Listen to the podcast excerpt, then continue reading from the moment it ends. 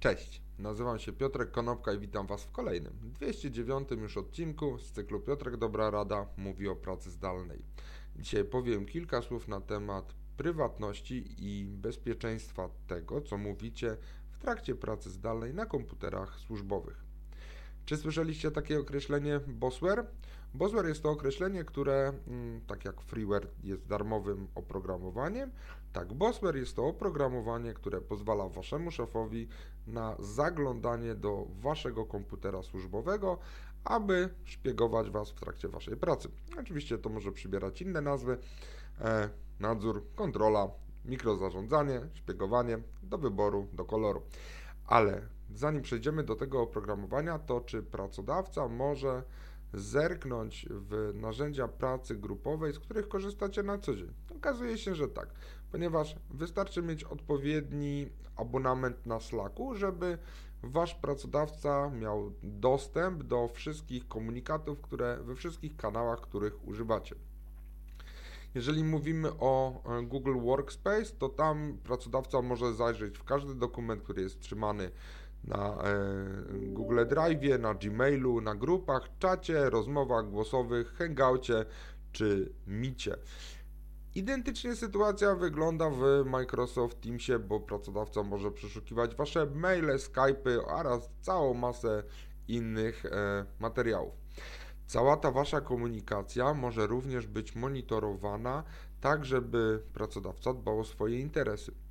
Dodatkowo firmy z wykorzystaniem niektórych narzędzi może monitorować, co tak naprawdę robicie e, na tym komputerze.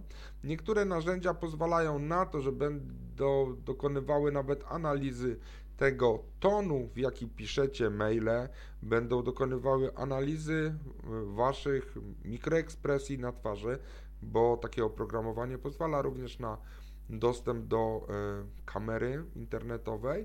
Także ten pełen zakres monitoringu może być o wiele szerszy niż ludziom się do tej pory śniło, ponieważ to, co robicie nawet na komputerze i nawet jeżeli wasz pracodawca nie podgląda bezpośrednio tego, co się dzieje na komputerze, ale łączycie się z firmową siecią przy użyciu VPN-a, to pracodawca może monitorować to, co się dzieje na VPN-ie, czyli na przykład zaglądać, e, czy korzystacie z usługi o nazwie Twitter, czy korzystacie na przykład z usługi o nazwie Teams. Jedno i drugie jest na te, ale e, Twitter niekoniecznie jest tym, co powinniście być może robić w pracy.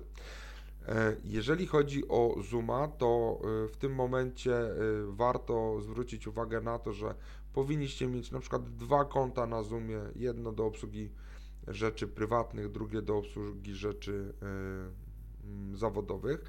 I miejcie na uwadze to, że dla pracodawcy rzeczywiście istnieją różnego rodzaju zagrożenia związane z tym, że te wasze dane, czy dane, które przechowujecie u siebie na komputerze, mogą wycieknąć. I to jest oczywiście jego prawo, żeby dbał o to bezpieczeństwo tych danych i o bezpieczeństwo swojej firmy. Natomiast to jest bardzo duże pole zarówno do wypracowania najlepszych praktyk, jak i do tego, co pracodawca może, a czego pracodawca nie może, z uwzględnieniem obecnie obowiązujących technologii i czasami nieuregulowanego statusu prawnego. Jeżeli będzie zaglądał Wam na komputer, będzie zaglądał Wam do pulpitu, do treści maili i będzie podglądał Was bezpośrednio przez kamerę internetową. Być może prawnicy powinni na ten temat również się wypowiedzieć. Dzięki serdeczne, do zobaczenia i usłyszenia jutro. Na razie.